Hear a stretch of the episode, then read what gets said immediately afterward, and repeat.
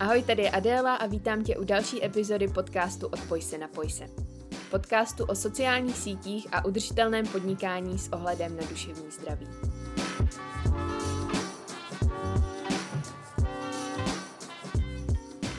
Online podnikání přináší svobodu, která skoro nemá hranice.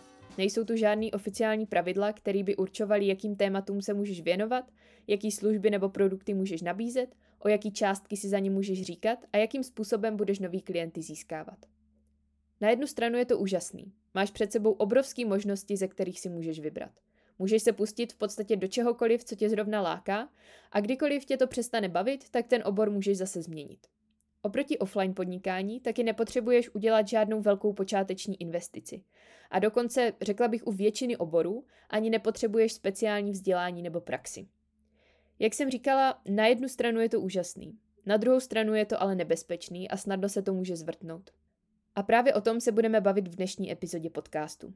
Budeme se bavit o strategiích, marketingových taktikách a obecně chování některých online podnikatelů a podnikatelek, který je aspoň z mýho pohledu dost na hraně etiky. Úplně na začátek chci ale říct takovou backstory, aby schápala, z jaké pozice tohle všechno říkám. V loni touhle dobou proběhla vlna kritiky určité skupiny online podnikatelek, obzvlášť z tzv. ezobubliny. Mluvilo se o novodobých šmejdech, kteří na místo předražených hrnců nabízí zázračných řešení na psychické a finanční problémy.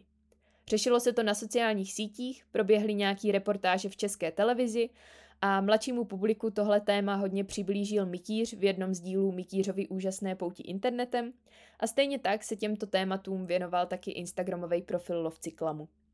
Přiznám se na rovinu, že před tím rokem, kdy tohle všechno proběhlo, tak jsem byla spíš zastáncem té druhé strany. Říkala jsem si, že zbytečně lidi hází do jednoho pytle, že je to přehnaný a ta kritika je až moc osobní a ne vždycky úplně fair. Vím o několika případech podnikatelek, který byli v téhle kauze propíraný a který si to z mýho pohledu úplně nezasloužili. Protože to bylo dost vytržený z kontextu a vzhledem k tomu, že tyhle konkrétní lidi sledují další čas, tak vím, že to, co dělají těm jejich klientům opravdu pomáhá. A dělají to podle svého nejlepšího vědomí a svědomí. Zatím si stojím i dneska, ale zároveň daleko víc rozumím kritice, která se otevřela. A bohužel jsem se za tenhle rok setkala s mnoha případy, kdy opravdu některé podnikatelky v touze vydělat víc peněz a nalákat víc klientů do svých služeb sahají ke strategiím, které jsou z mýho pohledu hodně zahranou. A myslím si, že je důležité o tom mluvit a ukazovat tuhle odvrácenou stranu.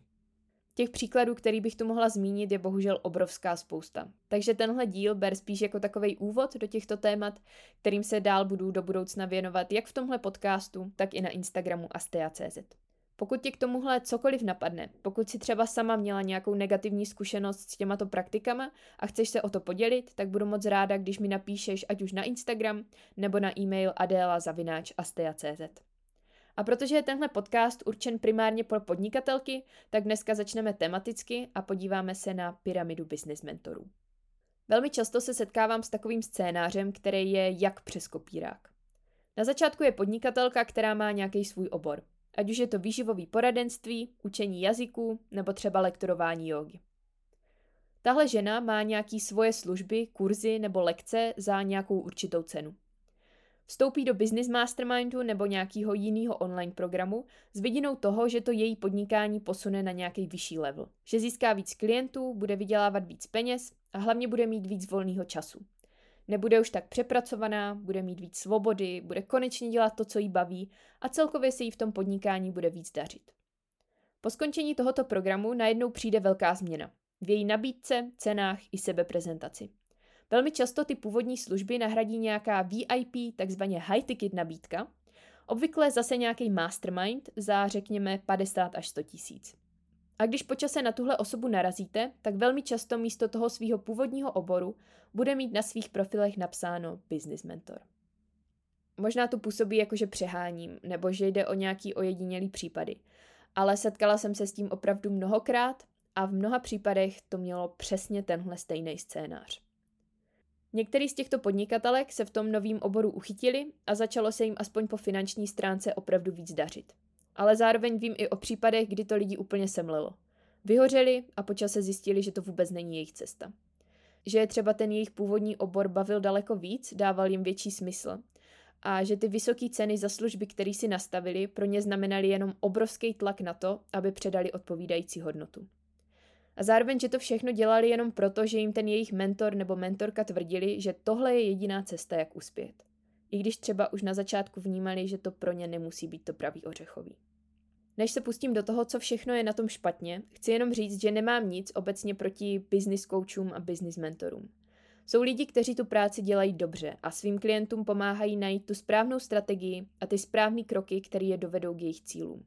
Což je skvělý a občas všichni potřebujeme ten nadhled zvenčí a zároveň to, aby nám někdo zkušenější řekl, co můžeme udělat dál, jaký další kroky můžeme podniknout. Zároveň věřím, že každý si může nastavit svoje ceny, jak uzná za vhodný a tak, aby odpovídali hodnotě, kterou předává.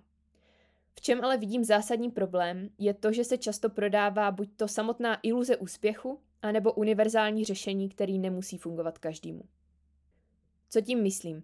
Určitá část těchto samozvaných business mentorů, spíš to teda vydám v zahraničí, ale už se to dostává i sem, tak na sociálních sítích lákají na svůj luxusní životní styl. Ukazují to, jak bydlí, jak cestují, jak přespávají v luxusních hotelech, v jakých jezdí autech, jak se oblíkají a tak dál. A lákají potenciální klienty stylem, když jsem to dokázala já, dokážete to taky. A v tomhle duchu se potom nese i ten samotný placený produkt. Kdy je to prostě spousta motivačního balastu, nekonečný videa o tom, jak si víc věřit, otevřít se hojnosti, afirmace na manifestování snů, cvičení na zpracování money mindsetu ale reálně tam často nejsou žádný praktický kroky, které by těm lidem pomohly to jejich podnikání někam posunout. Nepopírám, že když člověk zapracuje na svým mindsetu, může to hodně věcí změnit. Ale nefunguje to jenom samo. Je potřeba k tomu přidat ještě nějakou akci, nějaký kroky v realitě. Ale na ty si často tyhle lidi musí přijít sami, protože ten mentor jim je nenabídne. No a pak je tu druhá problematická kategorie, kdy lidi sice předávají konkrétní strategie, ale nejsou napasovatelný na každý obor. Je to jenom nějaký univerzální řešení, velmi často zahrnující rapidní zvýšení cen a to nemusí fungovat každému. Jenže protože tihle business mentoři nikdy nevybudovali jiný biznis než to, že učí lidi, jak vydělávat peníze, tak ani žádný jiný strategie často v rukávu nemají. Takže logicky, když potom někdo z takového programu vyleze a nedaří se mu to v tom jeho oboru aplikovat, tak buď to má pocit, že je chyba v něm, No a nebo přesedlá do jiného oboru a začne učit další lidi, jak si zpracovat mindset a vydělat peníze. A když mu lidi začnou za ty jeho drahý programy platit a zvýší se ta hojnost, ve které žije, tak to potom může zase ukazovat na sítích a říkat dalším lidem, dívejte, já jsem to dokázala, vy to dokážete taky. A takhle vzniká taková nekonečná pyramida. Zároveň s tím souvisí ještě jeden zajímavý úkaz, kterým je tlak na neustálý zvyšování cen. Na prodejních stránkách různých business programů se dokonce mezi referencema a úspěchama klientů setkávám s nápisy jako Marie zvýšila své ceny o 300%. A já si vždycky říkám, tyjo, a to je nějaký měřítko úspěchu? To byla opravdu doteď tak hrozně podhodnocená? Nebo proč zvýšila ty svoje ceny? Zvýšila se nějak hodnota těch služeb? Bez dalšího kontextu mi to přece vůbec nic neřekne. Jenže v online podnikatelské bublině vzniklo jakýsi přesvědčení, že když máš vysoké ceny, nabízíš VIP služby pro pár vyvolených, tak to je ten pomyslný vrchol. To znamená, že si věříš, že máš správný mindset, že máš zpracovanou sebelásku a že je tvoje podnikání úspěšný. Přitom je to naprostá kravina. Za prvé, ta částka by měla vždycky odpovídat hodnotě. Takže by to nemělo být o tom, že jsem něco nabízela za tisícovku, ale protože teď jsem si stoupla do své síly, tak to budu prodávat za 50k, i když ta hodnota je pořád stejná. A za druhý, jsou obory, kdy prostě nedává smysl dělat VIP online programy za 100 tisíce. Ne každá cílová skupina může a je ochotná tyhle peníze investovat. A tohle prosím tě není žádný blok nebo limitující přesvědčení, i když ti to budou někteří business mentoři tvrdit. Tohle je realita. Prostě máma na mateřské asi nebude chtít úplně investovat stoká do spolupráce s výživovým poradcem a student na vejšce, který trpí úzkostma a potřebuje pravidelný terapie, tak nedá za terapeuta 5000 za hodinu. A tím se dostáváme ke dvěma manipulativním technikám, které se běžně v téhle bublině používají. Tou první je přesvědčování lidí, že všechno je mindset, a tou druhou je nabádání potenciálních klientů k půjčkám. Viděla jsem to na sociálních sítích mnohokrát. Někdo se ozve, že ho láká určitá služba nebo program, ale je momentálně mimo jeho finanční možnosti. A mentor nebo coach, který za nabídkou stojí, ho začne přesvědčovat, že je to jenom úhel pohledu. Že je to o tom si to dovolit. Že je v pořádku mít strach. V pořádku být z toho posranej. Že právě tohle je ten výstup z komfortní zóny, který potřebuje, aby se posunul. Což může být pravda, ale taky nemusí. Nehledě na to, že jsou lidi, kteří tyhle výzvy motivují do akce a taky lidi, kteří to totálně semele. Lidi, kteří zaplatí spoustu peněz a najednou se dostanou do takového stresu z toho, aby ty peníze vydělali zpátky, protože jim toho na účtě třeba moc nezbylo, že je to naprosto paralyzuje. Tohle znevažování reálných obav a námitek potenciálních klientů je samo o sobě manipulativní a za mě hodně zahranou etiky.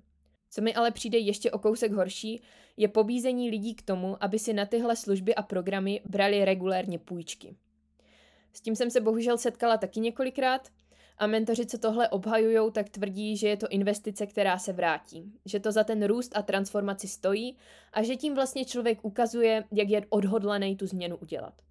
Přijde mi to naprosto nemorální, obzvlášť v případě, kdy je ten super drahý program ve výsledku zase jenom nějaký mix motivačních keců od člověka, který nikdy žádný podnikání předtím nevybudoval a láká jenom na nějakou iluzi úspěšného života, kterou si pěstuje na sociálních sítích.